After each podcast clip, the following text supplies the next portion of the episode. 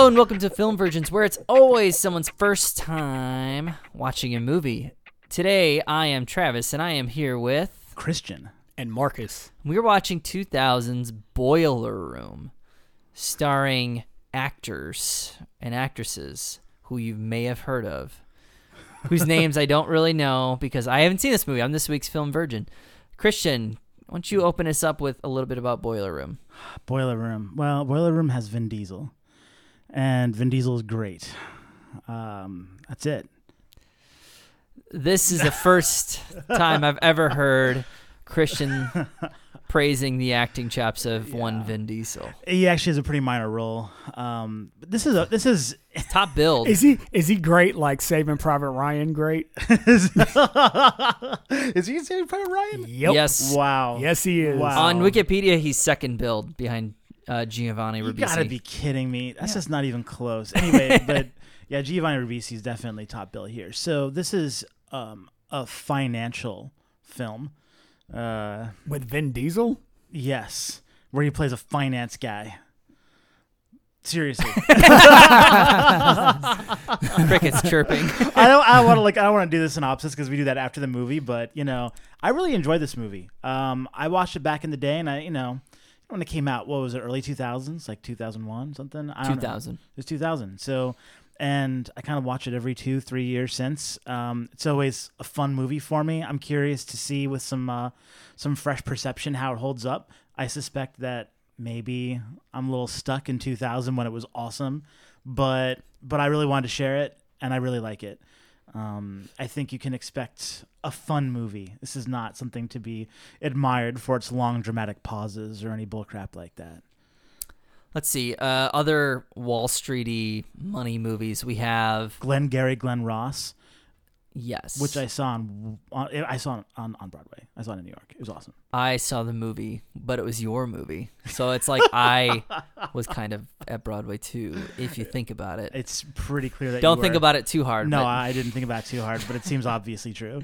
yeah. Uh, I've seen that as well. I've seen Wolf of Wall Street. Yes. Which I haven't seen. So we might need to add that to the list because everybody raves about that movie. I wouldn't rave about it, but I don't think it's. I I think it's good. I think it's good. Uh, let's. There's the color of money, which I'm not sure is about money, to be honest, because I haven't seen it. Did we already say Wall, Street, I- or Wall Street Returns? The money never slumbers. Money or never something. sleeps. yeah, whatever it is. Wall Wall Streetier. um, Margin Call, which isn't really that well known, but I thought it was really good. It was about the um, 2008 crisis, the collapse with all that craziness. I think there was a few movies about that. well, you have The Big Short was the That's biggest the other one one from I'm that, thinking of. which I haven't seen either. I saw the original Wall Street, um, and it was fine. I I don't Mm. know. It's not a very great movie. I don't remember too much from it. Um, and I didn't see the sequel. Fuck no. That was that era they were doing like really bad. There's just this. They did like Basic Instinct too. That like same around Did that they? time. Yeah. What? Yeah. I didn't know they did a second Basic Instinct. Well, uh, you never know when they redo these revival sequels. You never know if they're going to be like uh proper sequel. proper or- like big budget like bringing everybody back or if it's like we brought everybody back but everyone who was in it is now kind of a has-been and nobody cares. You Or we brought everybody back except the lead character, Independence Day. Oh, yeah. Yeah, just because, yeah, these, I don't, has there been a, Well, let's not go there. Anyways, all right, cut. So, Boiler Room.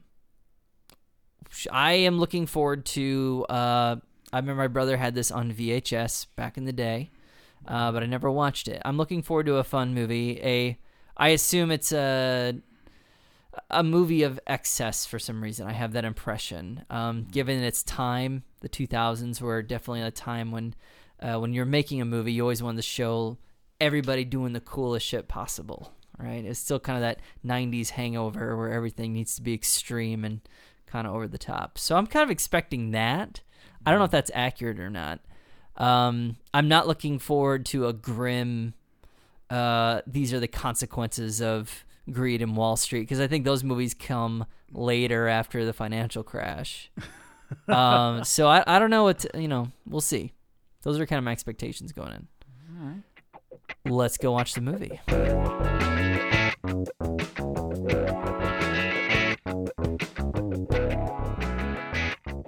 And we are back. We just watched Boiler Room, 2000s Boiler Room, directed by Ben Younger, who hasn't really done much else, actually.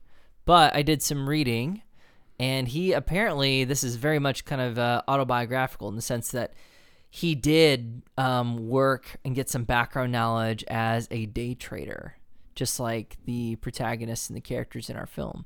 And he saw it and just instantly fell in love with the idea of doing a movie about this world that's kind of unseen and hadn't been produced. I mean, obviously, uh, films, as we spoke about at the top, like Wall Street, existed, but Boiler Room is not Wall Street, as we quickly found out. Um, if we're to use a baseball metaphor, uh, Wall Street, the film, Gordon Gekko, he's Major League. The characters of Boiler Room are AAA. Is that fair, Christian? Uh, that's not bad. That's not bad. I'll take it. Thank you, thank you. I mean, maybe not even AAA. Maybe like single A slash rookie league. Down the Exit wrong 53 in the Long Island Expressway. some oh is it long island or uh, is it like some s- suburban new jersey no, it's Long Island. It's Long Island. It's, it's Exit 53, which is like the Sacticos. I actually looked this up. That's my. That's I. I have a little experience on Long Island. I was there a little bit. no one said that with pride ever it's like oh, i lived in manhattan for a while i lived in la i lived in long island no one says that Ouch.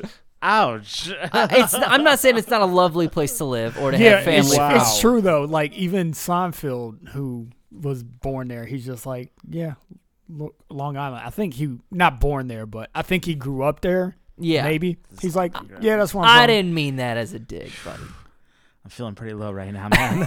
well while Ah, you're he feeling digs on the Midwest all the time. Go ahead and dig.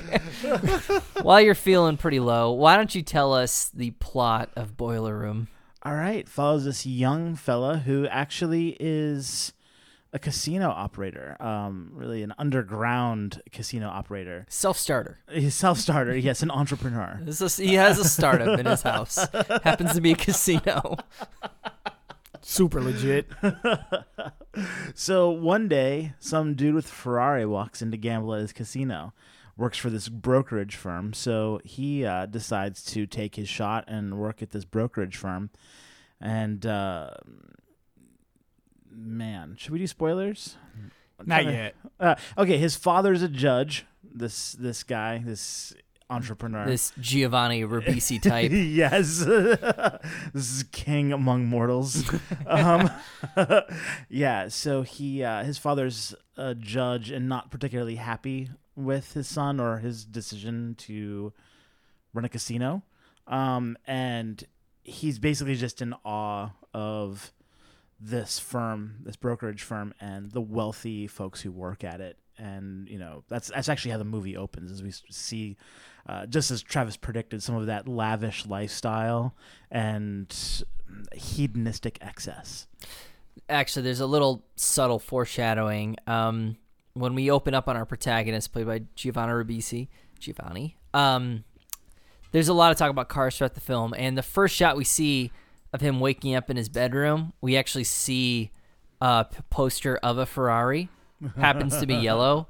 And then when the guy comes to play at his casino, that kind of opens up the possibility of joining this firm. He shows up in a yellow Ferrari. It's just a nice, nice little touch of foreshadowing there. Nice.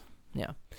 Um, yeah, I have to say that uh, without getting into spoilers or anything, I really enjoyed this movie. Um, it, it it is interesting to see just a different playing field, as I alluded to with the AAA metaphor.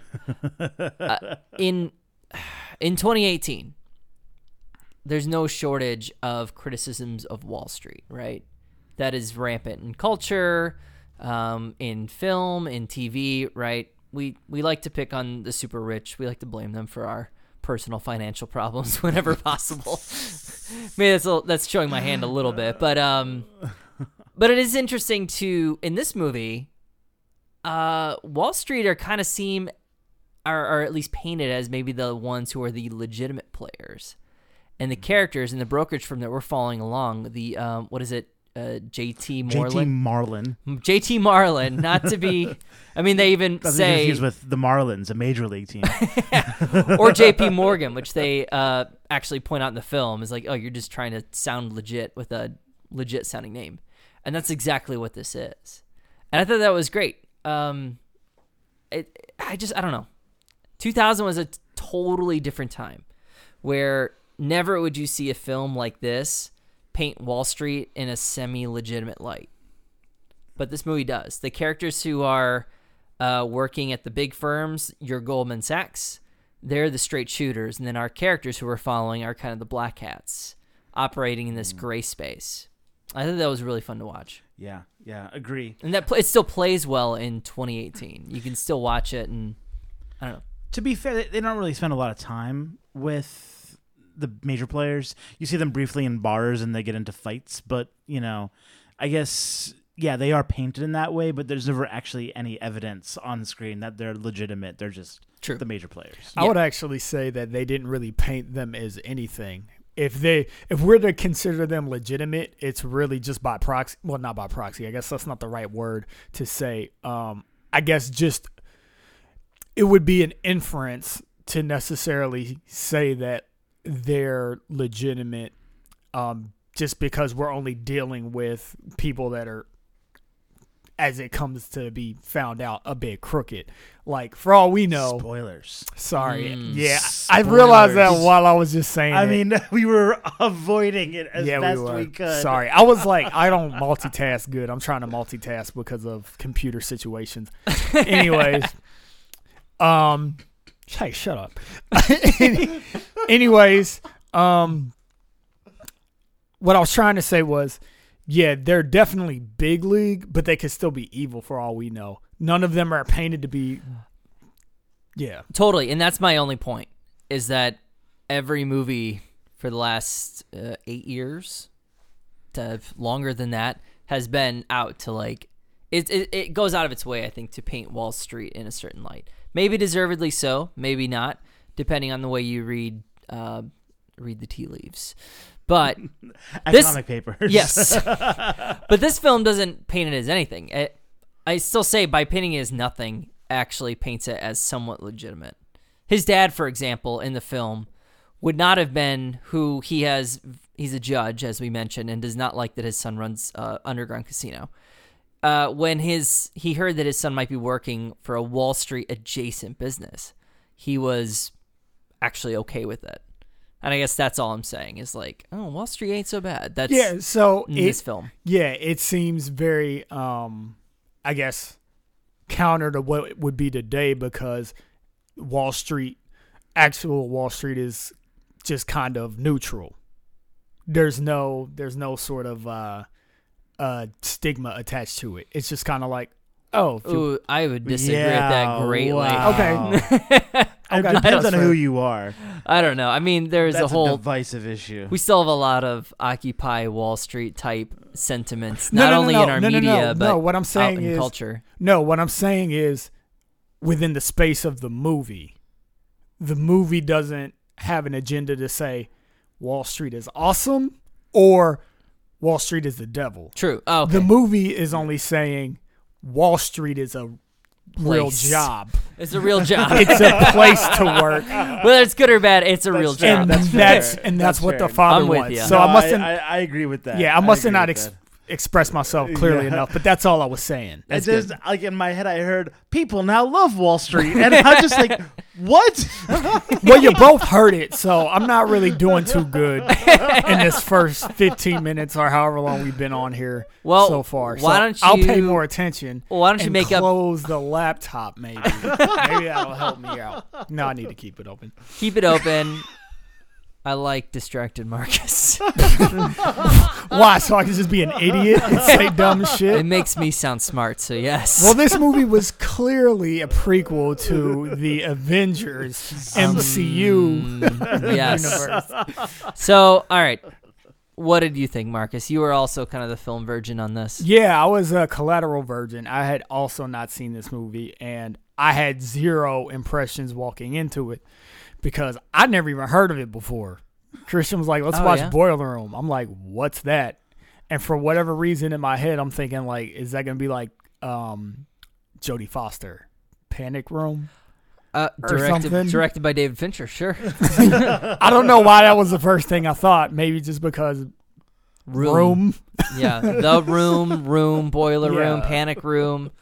Right. So, um, but no, I also have to say I did enjoy it um, very much. I did like I like movies that are fast paced, like this one was, that kind of move through the story. I also enjoy movies that kind of do the whole. Um, well, it's not a rags to riches story because he was born in a well to do family and he was making it, you know, with his uh, his underground casino thing. But it was kind of like a making it to made it story Extra. Extra. Yeah. Um so i always like though like stories like that just because they move on at a faster clip which kind of makes you um have to engage with it more pay attention a little more. It this isn't a movie that's really um concerned with the details which you know most of the time especially in these movies we focus a lot on movies that pay attention to the detail and the movies that are ranked the highest typically are those movies that stress a lot of detail whether that be in the plot or the characters or the environments score what have you. Um, so it's fun to watch a movie that is good but really just gives you broad strokes of a story. There's a lot of character development that just kind of happens over the span of you know 15 minutes and it's like oh that 15 minutes covered like three weeks of time or something like that so that was cool um liked the acting liked it just yeah liked it overall it was a fun watch Yeah, I did too. I liked all the actors in this. Um, there are a lot of names I can't remember. There's American Werewolf in Paris.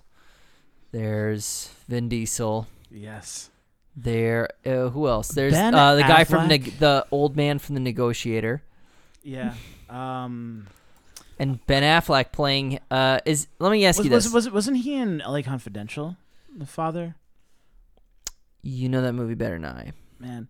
But okay, I have to say Ben Affleck. The, the- this I actually use this. I want to bring this up because I use this one as an example. The people, and I think less so now. I think Gone Girl probably helped a little bit with this, but people just they spend a lot of time ragging on Affleck, and I have to say, I think the man has acting chops. I think he was miscast a lot. and he was cast as a leading man in a lot of situations where he really shouldn't have been. People forget he is a really great actor and particularly a really amazing character actor. And you have, mm, what would you say, two and a half minutes aggregate of screen time with him in this movie, and he kills every single second of it. He steals the camera and he elevates the movie. You know, you put a lot of other people in that role, and they might not do as well. Um, he was awesome. Yeah, he heads up the trainee program, so he's the one saying, "Hey, you want to be like me? I drive a Ferrari. Get your get your shit together. You you you you fucks." He's Yeah, he's he kind of doing his best. Um, he's doing his his Alec Baldwin, Glengarry Glen Ross thing. That's Yes, exactly. It's almost like they That's pitched it. him. he's channeling that character Meanwhile. Giovanni Ribisi is channeling Woody Allen. Uh, Yeah.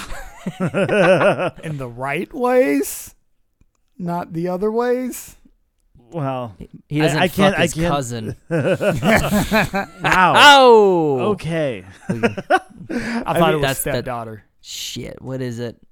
We're cutting it anyways. I, he did some weird shit. I don't know. Hey, Woody Allen, he has that stuttery talk actor thing in the 70s. I don't know. Ribisi was doing his best to imitate it. in the you know, you know, just you know, we're just you know, just trying to make a living, you know, and it just you know, we're just we're, you know, we're li- we're lying, we're lying, you know. yeah when he wasn't putting it on yeah. when he wasn't like closing yeah, when he's not As closing, he's like stuttery and I don't know. what actors did you guys already mention Vin Diesel, uh, Ben Affleck, um, American Werewolf in Paris. Hold up, who? What are you saying? Uh, he's he's uh the the boss. He's the guy who was on. Oh, he's in. Dead Man on Mike. campus. He was on. What else is he that guy in? He was in uh that thing you do. What's his name? He's like a '90s actor. His name is Tom Everett Scott. There you go. You only see him in '90s stuff. I guess Yeah. it's 2000, but close enough. Also missing from the cast that we have mentioned, um, you have Scott Caan. Yes, He's in there. Yes. Oh, is he the- ops guy from Enemy of the State? That's what I was gonna say. Yeah. The the meathead. What a sort good of dude. hothead. He's so good. He's so perfect. I mean, he looks the part and acts the part, so you know it's perfect for him. And uh, Nia Long's in there too. She's the love interest, only black person in the movie. Yeah, this is Um, white as shit. which, which I mean, I don't know if they were necessarily trying to make a point at the time, but it seemed, um, it seemed to kind of like only help the stereotypical, I guess, uh, portrayal of wannabe stockbrokers, like wannabe, you know, New Yorker kids. Yeah, they're playing into that, surely. I mean, they even. I mean, there's a lot of racial remarks in this movie. yeah, They're pretty aware that everyone in this movie is white, and then they even film it with this blue hue that makes them look even whiter. yeah. they also pay a lot of attention to the um uh the fact that, you know, we have Jewish characters and an Italian, Italian, character yeah. and all that stuff. I'd like to call it Nicky Katt. I really like Nicky Katt. He plays the guy who uh, kind of brings up. He, he's the one who shows up at the casino at the beginning, Greg Weinstein. and he kind of is Yeah. the. He's not an antagonist. He's kind of the foil. He's a little jealous of our protagonist's success, not only with the calls but with the lady. Yes. Mm. And also, let's not forget good. Jamie Kennedy. Oh yeah, this as well. he's a cokehead kind of. I that's mean, that's our first introduction to him is him wanting to do coke. yeah. And I mean, granted, he was in good company, but he was ex- like exceptionally enthused Mm. about the nose candy as he called it. and you know what? He's it's funny because he's the connect. He's basically the connect with the main Oh, character and Greg played by Nicky Katt, who, you know, is the first person to kind of take our protagonist under his wing. Mhm. Dude, there are so many folks in here that are just are that are of note that were just background stockbrokers. So Desmond Harrington played he's uncredited. He plays one of the trainees. I saw his face a couple of times. Who's and he I, play? I, I just found his name. I didn't know the name of the actor, but he it's not the first time he's been with or it was the first time, but he's been with Giovanni Ribisi since. Um in what's that uh Amazon uh Sneaky Pete. Mm. Uh, he's also in Dexter, and yeah, he's he's pretty great. Um, and also Anson Mount is in this. Anson Mount is the headliner from Hell on Wheels, but you can never correlate it because in Hell on Wheels he has a scruffy ass beard all the time. Uh, so, I mean, Kirk Acevedo. Um, I know. I noticed uh, Josh Charles. He was one of the Wall Street guys in the bar, and I know him from um, uh, Wet Hot American Summer, First Day at Camp on Huh. Netflix, and he's been in tons of other stuff. He was also in uh oh gosh, he's in Sports Night. That's what I know him from. Recognize him? Aaron Sorkin head. Yeah, yep, yep, yep. Okay, yep. I mean, it's kind of a Where's really- Waldo of like Yeah. who's big now in this movie, like in terms of white middle-aged actors in 2018. Wow. I mean, call a spade a spade. So I have to say, watching this time, I'm like, yeah, I still love it. It still got it. It's a really good movie. It's a really good movie. It- I, I think I was I was actually blown away this time by how great the selling scenes were, and particularly the ones with this guy Harry. Harry is um, a kind of a family man, a little bit spineless, you know, white collar workaday.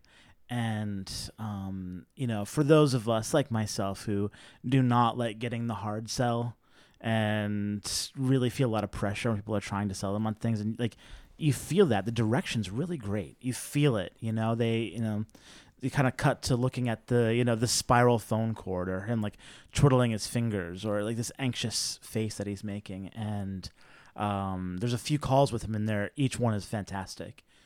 Well, and it gives what they're selling some weight. So, um, I don't know. If you haven't seen Boiler Room, go watch it. It's really good, but Yeah. we'll probably talk a little more depth. Um, so spoilers. Officially spoiled. Officially spoilers. Boom. Uh, Even though this movie is 18 years old. yeah, it's 18 years old, and, and you can probably guess if it's a financial movie that there's some shady shit going on. And sure enough, they're selling garbage stocks. Yeah, chop chop. Chop shop. Yep. I mean, it's 18 years old, but no one's seen it, so it's not like The Sixth Sense where you'd be like, "Well, it's all your fault for not seeing it." I mean, no one's seen this movie. It had a budget of seven million and it grossed 28 million. It came out in February, which is usually the dumping ground for movies. I guess some people saw it. It's still not great, but I mean, that's you know that's back then. if it makes double its budget, it made money, so it made some money. It had a 67% on Rotten Tomatoes, Mm, which I think it's a better movie than that. now you're not supposed to evaluate that as a grade, it's but a little late. I think it's a little light. Um, Not a lot late, but yeah, it's not a 99. That's yeah, Not worth going to war over. no, but it's a But yeah, I, I don't agree with that. What I think this movie does well is something we talk a lot about when we watch John Wick. We talk nothing. We talk a little bit about the action sequences, and then we talk a lot about the continental and the world building and the cool things that make that universe feel lived in. I think I, that's actually what Boiler Room does really well.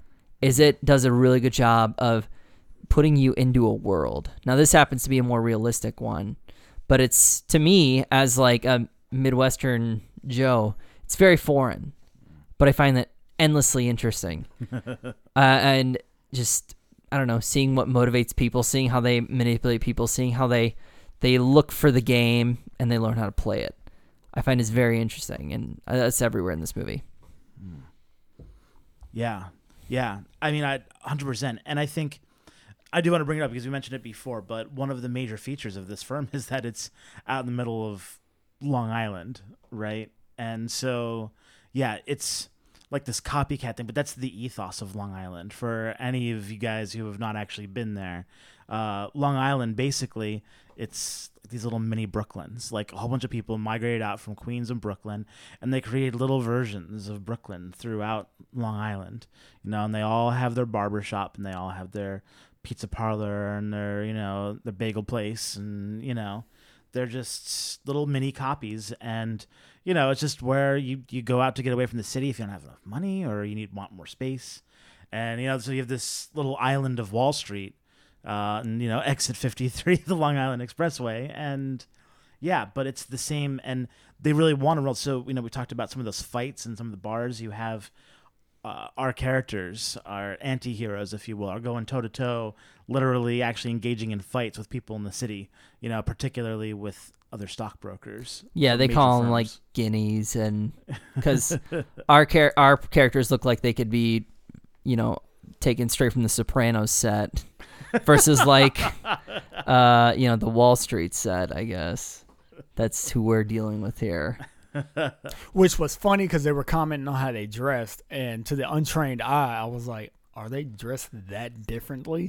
Well, yeah, they talk so much about having a good suit and stuff, and then they go into the city and they get chastised for having crappy, like over the top suits, right? And yeah, it's it's almost as if it's all bullshit, which I think is kind of the point. right? yeah. I mean, at least to me, Yeah. Oh, I mean, I think, I think that they say it. You know that um, you know J.T. Marlin was you know he's a salesman, the salesman among salesmen. You know, uh, and I don't know. I think it's like he tried to sell the image, but it wasn't to anyone else. It wasn't to himself. It was to each other. It was to the folks at the company that make them feel like salesmen, like the real deal, so they'd sell harder and make him more money. hmm Anything else to talk about likes in the movie before we get in the turnoffs? All right, I'm gonna say it. '90s hip hop, abundantly. yeah, tons of it. Oh, There was a call out too in the opening scene where they're playing um, "CunninLynguists." They flash the "CunninLynguists" shirt, and I was like, "Hmm, heads will know about that." I didn't know that's a band. That's What's a, a, rap group? rap yeah. group. Oh, Mhm. God. Ass. So so white. more of I know. More of a troop, if you will. I didn't. yeah, I just thought it was a funny shirt. I saw the shirt. I didn't make the connection. yeah, yeah, yeah. Because This I, I, I heard you laugh, Marcus, and I thought the same thing. I'm like, he's laughing at the wordplay. I I was. it's a it's a double entendre. definitely a double entendre. Little did I know. right, I want But a best also- of mix but- ASAP. yeah, but also, yeah, it's a rap band. Oh, it's a rap. It's a group of of rappers. Um, yeah, They the, play concerts. yeah, Ribisi's character, he is seen wearing that shirt as he's working. Um, he's he's uh, doing blackjack, right? yeah, He, yeah, he's working a he's dealing a blackjack and game it's a home casino. in the home casino. Yes. Um, I'm sure there's other stuff that I like about it. I'm I'm sure there's it's there. Yeah, my mind's like scatter, man. It's weird. It's, it's a weird day today. I feel like for me. But um, um, since we're in spoiler territory, one of the things that I did think was cool as it was building to the revolu- resolution, where um, you know, his character wanted to do the right thing. He is seen. Our main character is seen using the skills that he's learned of the trade kind of like to manipulate people within the company. And I Mhm. thought that was really interesting. It's kind of like, okay, like this is a kid who actually knows how to adapt because they talk about how smart he is the whole time. And you really don't get a lot of, uh, you don't get a, a wide range, I guess, of seeing it like in action directly. You see it indirectly by like, oh, he's running this business. You don't really see him like building the business from, you know, from the bottom up. It's just kind of like it runs and he makes a lot of money and people seem to respect him. But he's street smart. Right. He's street smart. Like he he knows how to run a. He knows paying out percentages. He knows how to get people to do their job, do it well without screwing them over. Like he's got some of those basic principles in place Right. And then you see him in basically which you see him in most of the film, basically learning the craft of being a salesman and always closing while he's, you know, d- being a trainee. You know, he passes the Series 7, which we don't even know what that test is. At least I don't. I don't know if it's a real thing or not. But so you only get that one example of hearing him just be on the phone and conning these people who are made out to just be doofuses. Really, you only see two examples. But both the examples you see is these guys that are like, well, well, well, uh, it's like they seem like they would be easy to sell guys anyway. You don't really get any FaceTime with a person that's like, no. Guess what? No. You only hear it. You hear it for a split second like take me off your list. They don't they don't give you they don't really give you like him besting a person that it's like, wow, this is a, the the guy on the other side of the phone I actually respect, and he managed to sell him. So it's like, all right, but then you get to the end and you see him realizing, wait, all those skills that I used to con the chumps, I can con these people that also con. And I can do it so well that I have them convinced to the point where he even convinced convinces the big boss. And when the big boss goes like, "Hey, where's your supervisor?" Basically, bring your supervisor in. Like he still man he manages to quickly adapt to that situation and do it. So I feel like that scene is really the culmination where you get the payoff that it's like, oh shit, this kid actually is as smart as they've been saying he is. He is as, as adaptive as you know all the fruits of his labor would say. So I thought that was really cool. I like that. Mhm. Yeah, I do. I do like that, I, and it's funny because he uses it briefly, well, unsuccessfully at first on his father. Like it, it seems like there's real emotion in there, but it also seems like a con. I love it because I, I feel like the scene actually had some complexity to it. But I will say, I actually found a lot of the relationship with his father to be really rewarding, and this time around, and I think other times previously, I found that it it does re- like it. I don't want to say resonates because it's nothing like my relationship with my father. yeah, but, and it's not. it's good. It's not ter- terribly profound, but it's no. but it's solid. It makes sense. It has some realistic. They give you enough of those emotional beats to make you understand why he feels that way, but also why the father feels a certain way.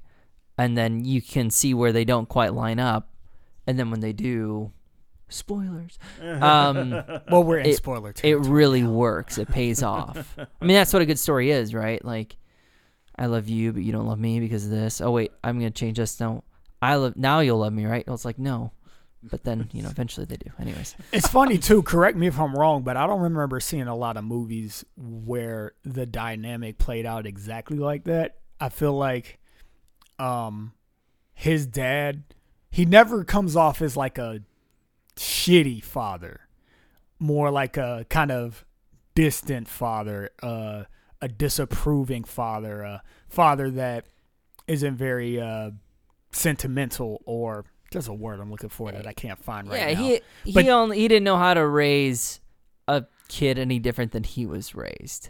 Yeah, That's so my read. so what I thought was so cool was the fact that he was in sort of that gray area. You didn't hate him, but you definitely didn't love the type of father that he was being painted. I love that there was a combination of that and Ribisi's character just like all he ever wanted to do was to please his dad, but not in this the movie doesn't even make it obvious that that's what he's doing. It comes out later in the scene where he like kind of is saying like, "Hey dad, like I'm I'm I'm leaving the firm.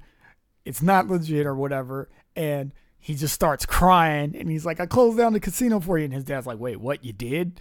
You know, that was like that's in any other movie that would be a something that we would be waiting for, like him to close it down and then go, "Dad, hey, I did it," and then you know the father go like, "Oh boy, son, now you're on the right track," just to disappoint him later.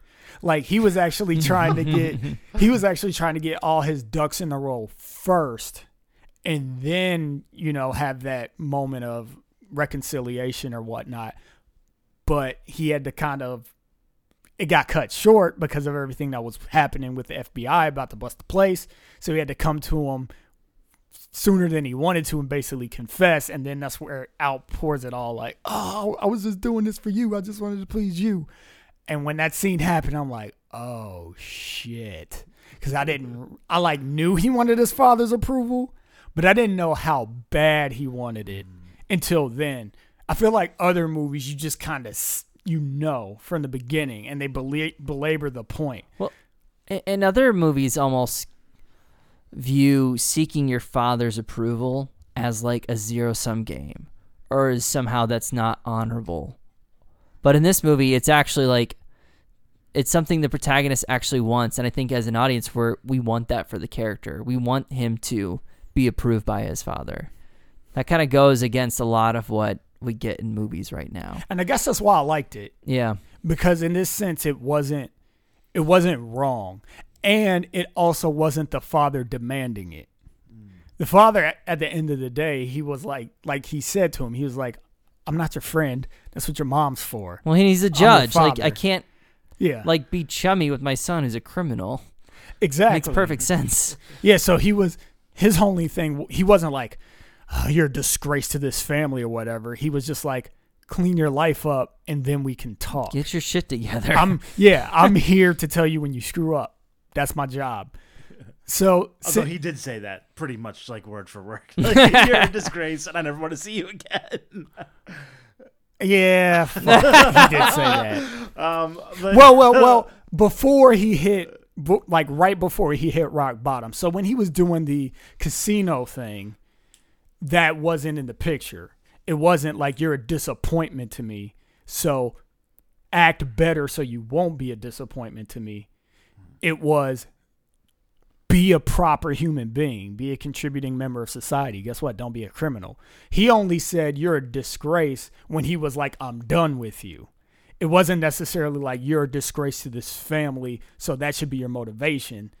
Him saying you're a disgrace, and he didn't say to the family, but him saying your disgrace was basically saying just like, yeah, okay, yeah, you've reached this level now where I can't do anything with you anymore. Like we're done. We're done. I don't want to see you again. Um, so I think I'm making my point, maybe. it's hard. It's I think what I like about you know, as said before, not a it's it's not a simple relationship. A lot of complexity, and either it's poorly written or there's a lot of complexity. but to me, it it, the, it rang true, which I think is a sign of complexity. both. Yeah, it felt Yeah. very gray. Yeah. There were you could feel a lot of different ways about it, Yeah. which was awesome. And then guess what? It got paid off at the end, Yeah. which was very awesome. Yeah, and it, it does feel like, especially with that, you you get that feeling like, like the protagonist actually gets his moral compass from his father, uh, because he does have one. Like it's actually a pretty big one. You know, Uh, his biggest sin really is opening the casino, and he just seems kind of libertarian about it. It's like, well, you know, they wanted the service and they paid me for it, and I I performed it honestly. Totally. Yeah, he gives that whole speech about the casino Look, actually. I looked my customers in the eye, and now I don't even look them in the face. yeah, Yeah. that thing was more phone. legit than what he was doing, you know, and making big bucks for this thing that was supposed to be so huge and or qu- at least and quasi legal yeah. turnoffs. Mmm. Turn offs. Oh. I do think there was there was I, all right for me, and this is one of those things where I kind of appreciate it, but there was a lot of meta. So references to Glengarry Glen Ross, references to Wall Street. In fact, an entire scene where they're watching it and quoting the lines. And I get it; it's kind of cool, but no, I don't like it. It's a turnoff. You know what's funny though is I would think that oh they're they're glamorizing it. Can't they see how Wall Street is kind of a satire or at least like a morality tale of it's like greed is good and people actually take that and then run with it and they're like did you did you watch the rest of the movie? did you ever think a little bit about what the filmmakers are saying? But then you get on online and there are so many Wolf of Wall Street memes that glamorize like the shitty selfishness of the financial sector and people just glob onto it and love it. And so when I saw that scene, I was like, "Oh my god, it's just like the way people share Wall Street um I'm sorry, Wolf of Wall Street memes." It's very interesting. It's the same type of thing. It's like we we take this thing because we love that go that hungry attitude. Like a lot of people value that and they love it, and that's what a lot of the memes are about. Is like, fuck it, you got to do the business, do it, work hard, whatever.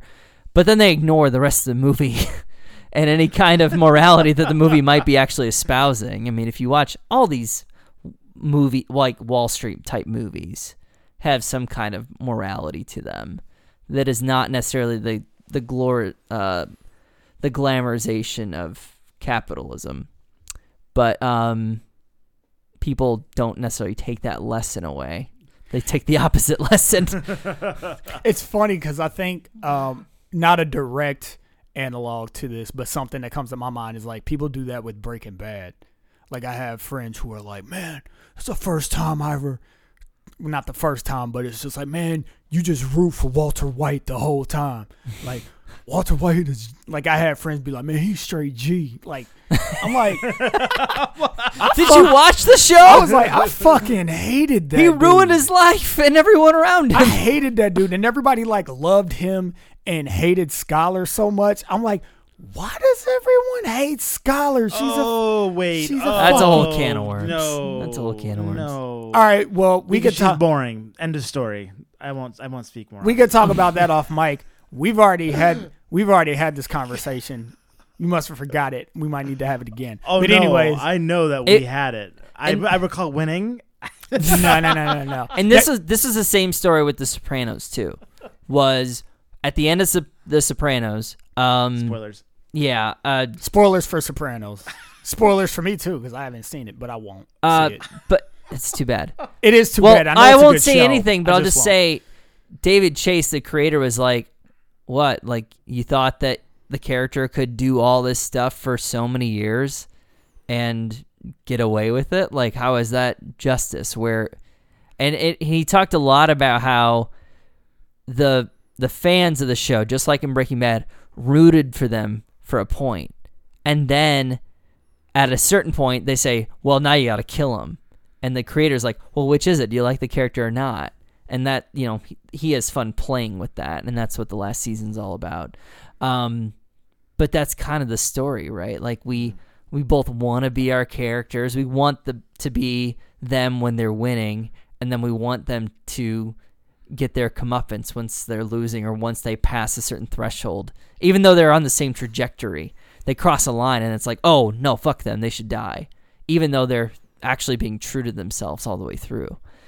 and that's the same kind of thing. As like as a culture, we we can't rectify those things. We both want to be the black hat, but we also want the black hat to um, pay with his pound of flesh, and we we think we can somehow have have our cake and eat it too. Well, I feel like there's just a compartmentalization of being able to like a character because they make a show interesting or a movie interesting or whatever interesting, and you know not appreciating them as if they were a real person. And that's how I am with a lot of characters like that. I can completely like a character, and if they get theirs in the end and I think they deserve it, I'm fine with it. Yeah, I feel that way too.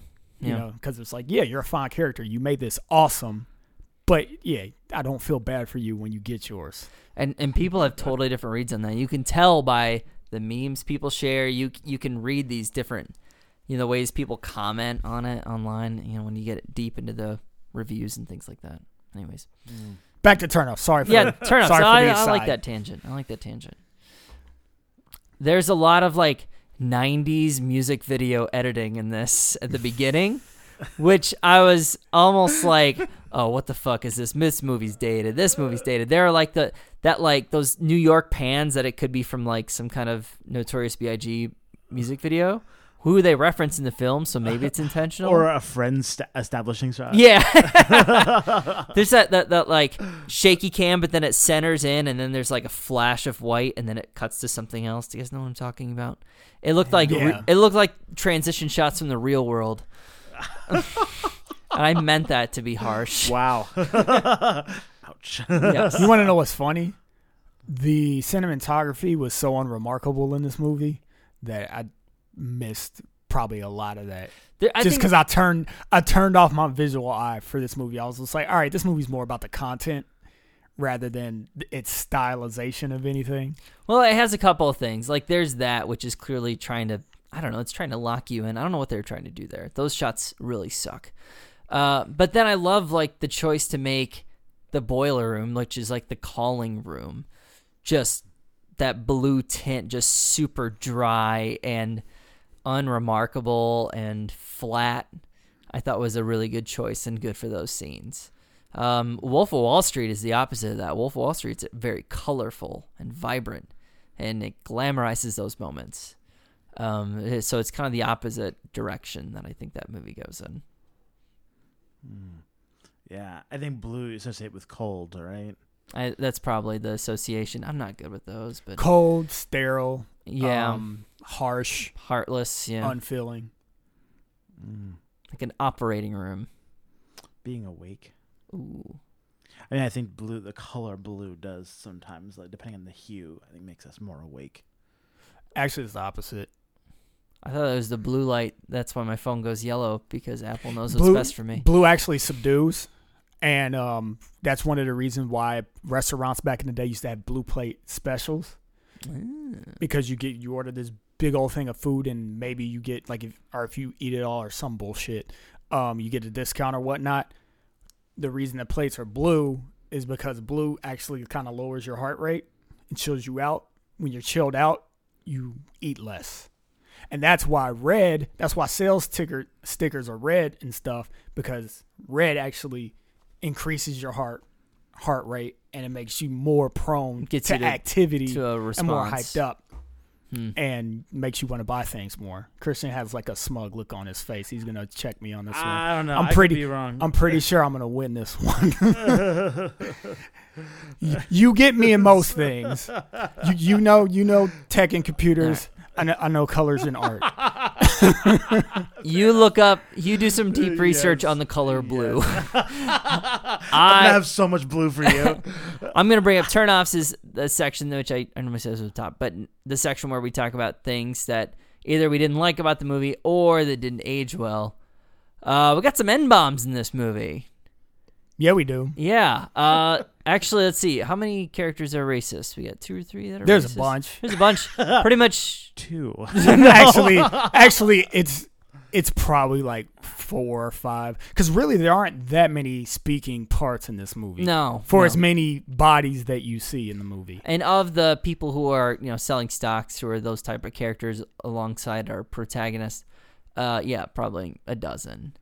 And uh, yeah, they, um, I mean, I'm trying to think.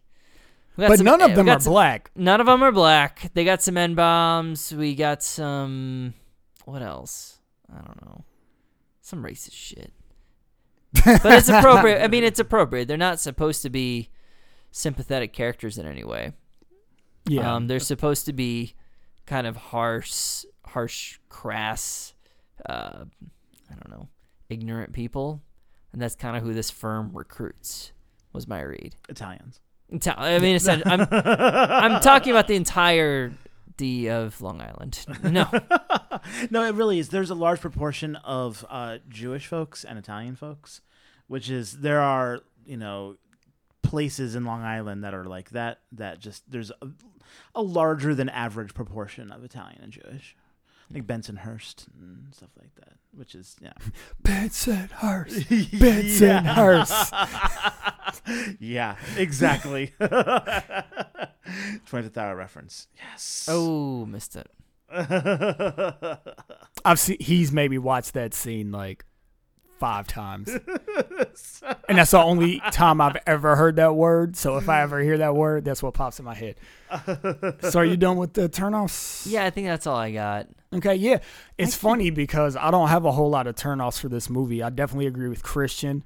The whole um, Wall Street watching party is it would be like if in Justice League they all watch like the Super Friends.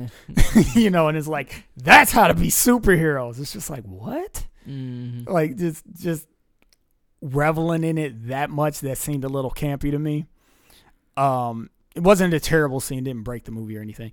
Um there's also the racism. However of the movies that we have to compare to that we've seen in film virgins this one it didn't it wasn't as uh, abrasive to me as the others and even though they do drop the M bomb, I'm black, so I'm gonna just say it. Even though they say the nigga word a couple times, um, Got it. they they, they didn't they didn't lean on it as hard as some movies that just said something racist against black people without saying the nigga word, and it was even worse. Like ooh, like um, thinking payback when he said the the cap heads and the the the darkies. yeah. yeah. Like that read worse Way worse, than yeah. it did in this movie. Because in this movie, it was kind of like they said it real quick, and then Ribisi's character would just be like, "Did he just say that?" And he would just kind of have a a look on his face. So I feel like they played it hmm to be like, okay, we have a character that's sympathetic to, you know, treating people this way or talking about people this way. Um, and the hardest they leaned on it was when the Jewish guy and the Italian guy were going at each other, but it was a mutual exchange. So it was kind of like, all right, they're both in on the deal. So Mhm. that's fine. Um, one, one, um, turn off that I have I kind of already talked about. And it's basically just the sales calls with the people who, you know, were dropping the big bucks. Like we only get two examples and the examples are basically guys that are portrayed as kind of gullible and mm. you know, down on their luck. Well, one of them's down on his Yeah, luck. the other one was actually more antagonistic. Yes, but he he was, but he was kind of a he was greedy. he was antagonistic and greedy, but he also was sort of a rube. Like the way that he, he was just like pursing his lips, like, wait, oh, what is that again? These faces are so great. Can we take pictures for the? yeah, yeah, yeah, yeah. Ju- but just for context, these were leads technically. So these people Correct. are possibly gullible by nature because they signed up for something somewhere along the line. That, that's at least implied. You know what? I have to take it back then. Maybe the turnoff isn't that um they were only shown getting over on you know the two people that we actually see face to face. Maybe it would have been a little more interesting to get a little background on maybe like a variety of people that could have been leads. Um, because you get the feeling that the trainees at least don't always ex- succeed. Mm-hmm. Um, so yeah, I don't know, but I think that's really all I have. The movie really wasn't quite that offensive in many ways. No. Was it good for you? Was it good for you? Uh, as the film virgin, I'll start. yes, this film was very, very good for me. I enjoyed myself thoroughly in this movie. I, I was a little cold on it at first. It opens up with some very dated editing techniques and uh, some dated music. I mean, now I want to listen to what is it, Cunnilingus? Cunning linguist. Wow. All right. I- that's clearly what they're going for. Anyways, okay. It is clearly what they're going for. uh, but they never say it. And that's the beauty of it. I am not that subtle. I help create a podcast called Film Virgins, Uh, and t- to be fair, yes. yes, we are not about the subtlety. Anyways, so there's some dated elements. I was very cold on this movie at first, and then I really warmed up on it. I really like. Uh, I like that our characters are smart. I love that there aren't great people in this movie, but there's no mustache twirling villains. Everyone is at least kind of a moral-ish person, or at least you can understand what they're doing and why, and they're somewhat sympathetic. And I think that always makes for a more compelling story. Uh, I would recommend this movie to anyone who likes, you know, anyone who like I don't know likes The Big Short, likes. Uh, I know there's another a couple more documentaries. There's a lot of. It's almost a genre of film at this point. This uh, money Wall Street type films. If you're into those and you haven't seen Boiler Room, you should watch it. I think you'll really enjoy it. Um, and if you know, I don't know if Wall Street pisses you off for whatever reason, eh, watch Boiler Room. You'll probably enjoy it too. Uh, but I do think it is a smarter movie than those in many ways. I think um, it's probably I like. I've seen Wall Street. Uh, this is a better movie, much better movie. It it doesn't have the black and white tone of an Oliver Stone film. It's much more gray. It deals with more and the realities of uh, this business and the type of people who enter it, and I think it makes for a really good film. For cherries, I'm gonna go with a very solid, solid seven. I would recommend this movie actively. I think if people haven't seen it, they should watch it. I think it still holds up. I think it's really good. Plus, you get to see an early Vin Diesel with some shades of hair. a memory. They yeah, they even they even allude to there's a Rogaine reference in this for him. All too telling for the future of the Diesel, as I like to call him. All right, I'm just I'm going to say, well, there are no mustache twirling villains. You do have, like Weinstein is a sexual predator, and harasses people in his workplace. I guess it's true. Yeah, True. it's just a Weinstein thing. but uh, yeah, should I go next, or you want to go next? Um, I guess I'll go next as the collateral virgin. Yeah, Um, yeah. I really liked it. Like I said before, it was fun. I think that it was interesting not being a black and white story, just like you said, Travis. Um, for a story that is pretty straightforward and simple, it's kind of odd that if you want to, you can dig and find the complexity there. The complexity between father and son, the complexity between like the people that work there and know what's going on, or the people that work there and they think what they're doing is legal, but they don't care that much to figure out if it is or not. Um, and the fact that like, yeah, you don't really walk away with it hating anybody or or they're the the good guy is he's just this kid trying to make his dad happy. He's not even really trying to save the world. He's just trying to do one good thing at the end. Um and kind of ends up taking down an evil thing just because he was about to get caught. Not not because he set out to from the onset. You know, he he just found some things out and then, you know, got stuck in between a hard and a rock place. Rock place, rock and a hard place there. So I like all of that. All that stuff was fun. I like the um, chiseled jaws of the two FBI guys. I like Vin Diesel's performance, which actually was pretty good. And um, I think everybody's performance was pretty good. So I'm to side with uh, Travis and give this one a seven. I wasn't rocked, but I did enjoy it. If somebody wanted to watch it and I wasn't doing anything, I would gladly sit through it again and um, would recommend it to people that, like I said, if you like a story of someone's progression of rise, a la, you know, maybe to lesser extent, but a la like Casino, Goodfellas, Boogie Nights, Scarface. Uh, I still need to see Boogie Nights. I haven't seen Boogie Nights. Below. Um, but yeah, movies like that where you see a person kind of make their way, like this movie's for you. It feels like just all of those. Um, it kind of felt like it had the tone of Rounders to me, even though it it's a more active movie, more more boisterous movie than that one. But I don't know why I feel like I get that. I don't. They, Yeah. I feel like they feel like they're in the same family. So if you like Rounders, go ahead and watch this too. You know, they're just about smart kids that are uh, filled with a lot of talent, but in over their heads just because they lack the experience. Um, so they kind of run out, you know, run farther than their shoes can take them. Uh, so yeah, if you like those types of movies, you should watch this one. So uh, yeah, I also, of course, really like. Uh, you know, it's exactly what I remember. I thought it was a fun movie. It was engaging. It's a little bit of substance to it, and so yeah. Um, What would you have given it before watching it? You think? I think that I'm exactly where I thought. you know, and I said this before we watched it. I watch this movie like every two or three years.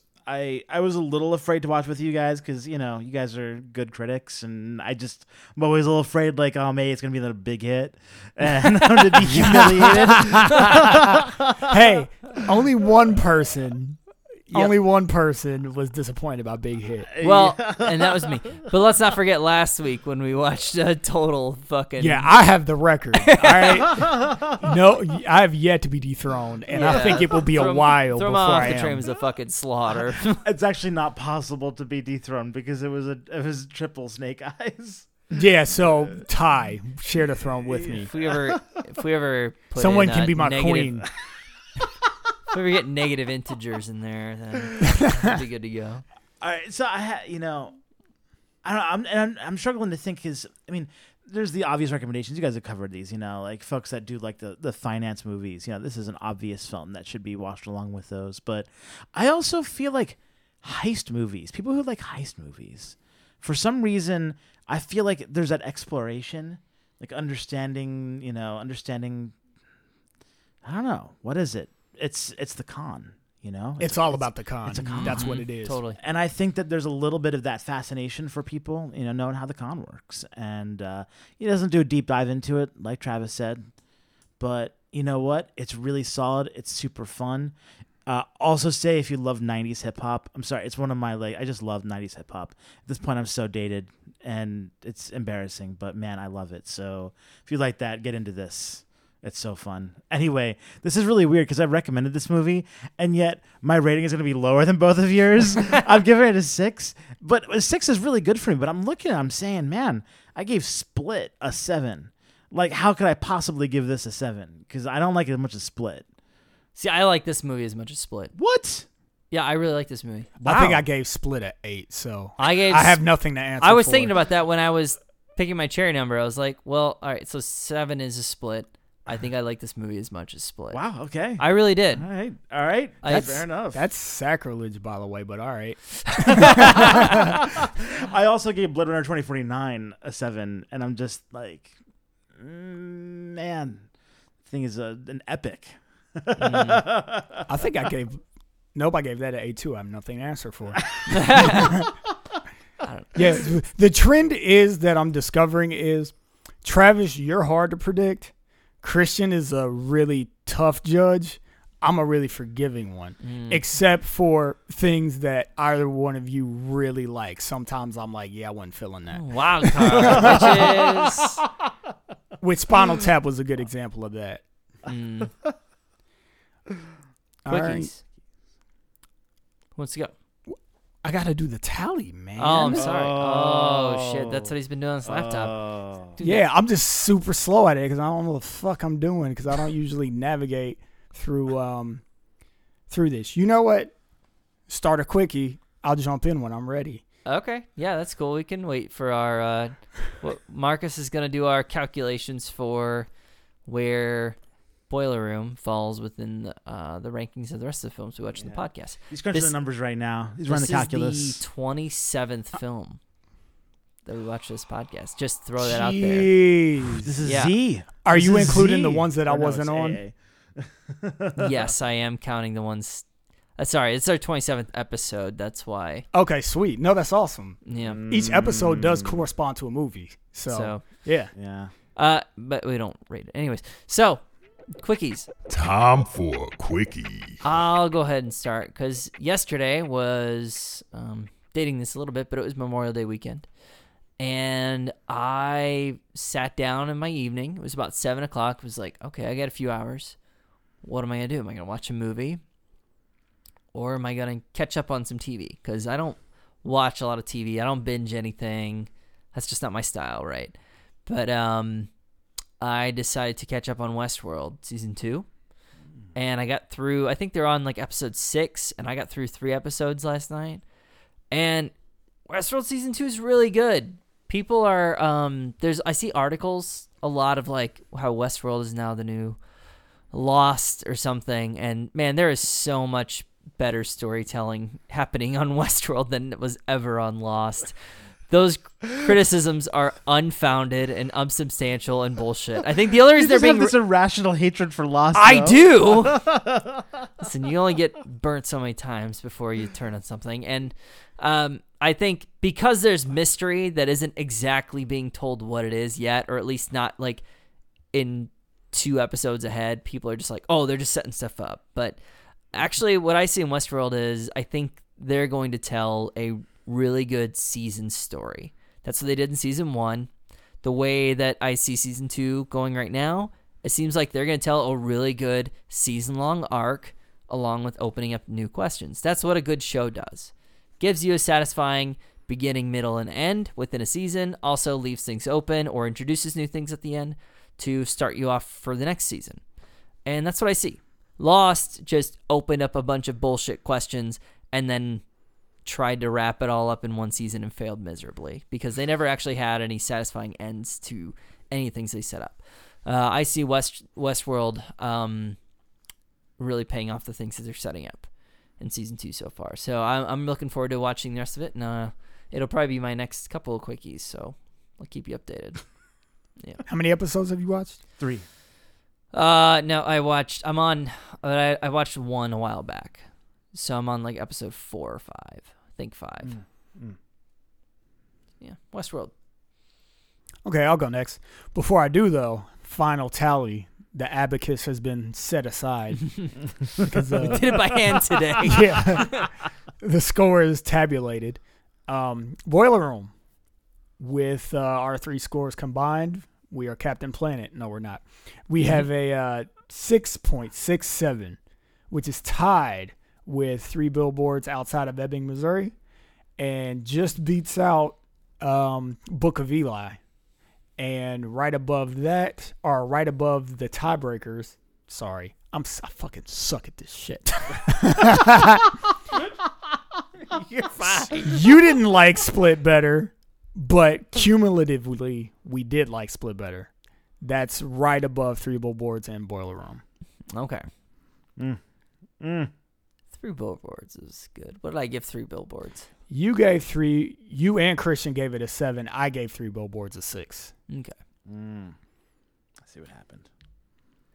That's one of those as I think about it more. Yeah. I like that movie. I want to redo on that one. I want I want to rewatch it actually. Yeah. yeah. Anyways. Yeah, the more I think about it, the more I'm solid where I'm at. Mm, I liked it. I think it's a good movie, but it didn't do like I haven't. My opinion of it hasn't flourished any. I haven't changed my opinion. I just I think about it more. Yeah, I think yeah. about that movie more than like any other Oscar movie from last year. Mm, interesting. And that's that that will you know, a movie that maybe doesn't hit me at first, it can kind of grow with me.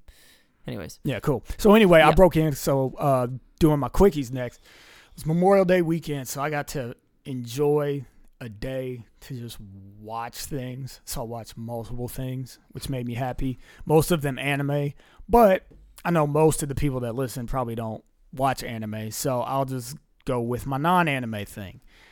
Finally, after a long time, I started watching Fargo again, season two. Yay! Season two. Glorious. Man, All right, so the people that created Legion a couple weeks ago, I was saying how I wasn't feeling Legion, really. Everybody else was, and I didn't get it. Noah Hawley. Yeah. Um, I don't know what happened because Fargo is still so damn good. Fargo's great. It's still so damn good, as good as the first season. Whole new cast, but they just cast like hard hitters, heavy hitters, like really, really good actors. You know, you got Fat Damon. I don't know what his real name is.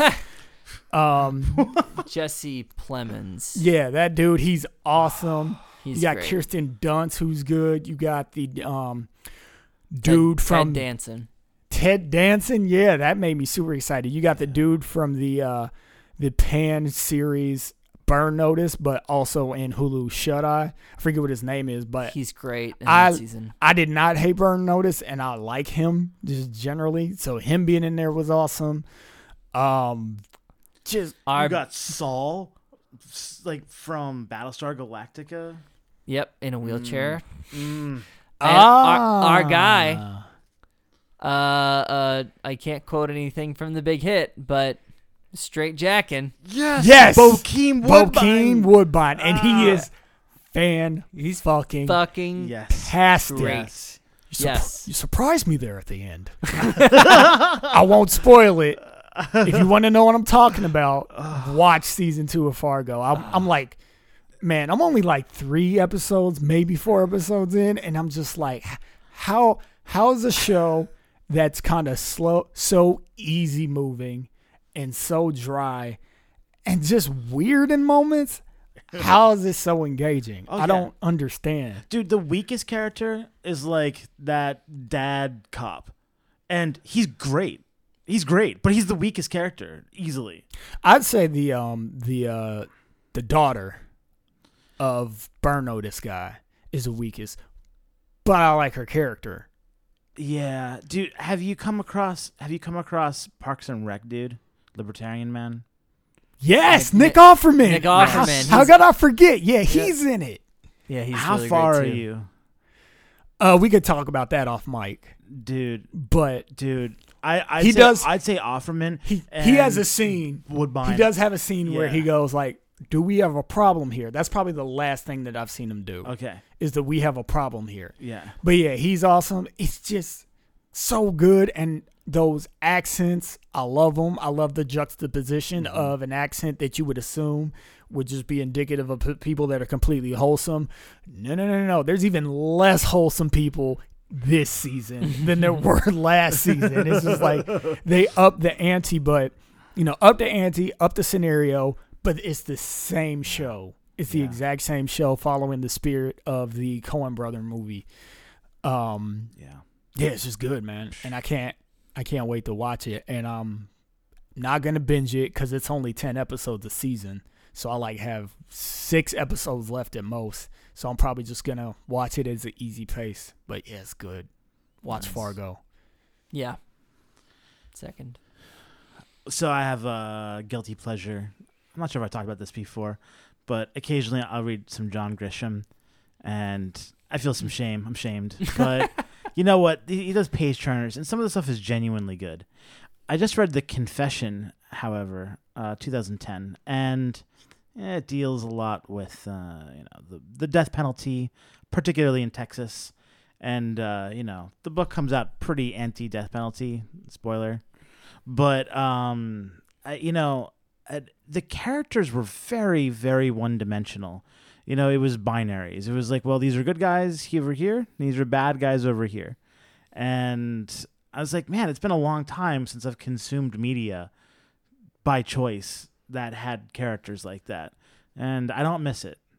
So, you know, John Grisham, if you ever listen to this, if you become one of the select 51 listeners of our podcast, maybe Growing. make your characters a little bit more gray. Nice. Well, thank you so much for listening. This has been our episode on Boiler Room. Uh, check us out on Instagram. We are at and Twitter. We are at Film Virgins Cast. You can see all of our cherry ratings at filmvirgins.com, and we always appreciate people who subscribe to our podcast. Uh, I have been Travis. I've been Christian. And I've been Marcus. Come back next time for more sexy movie talk. Thanks for listening.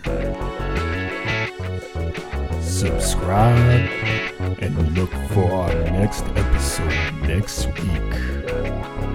Yeah.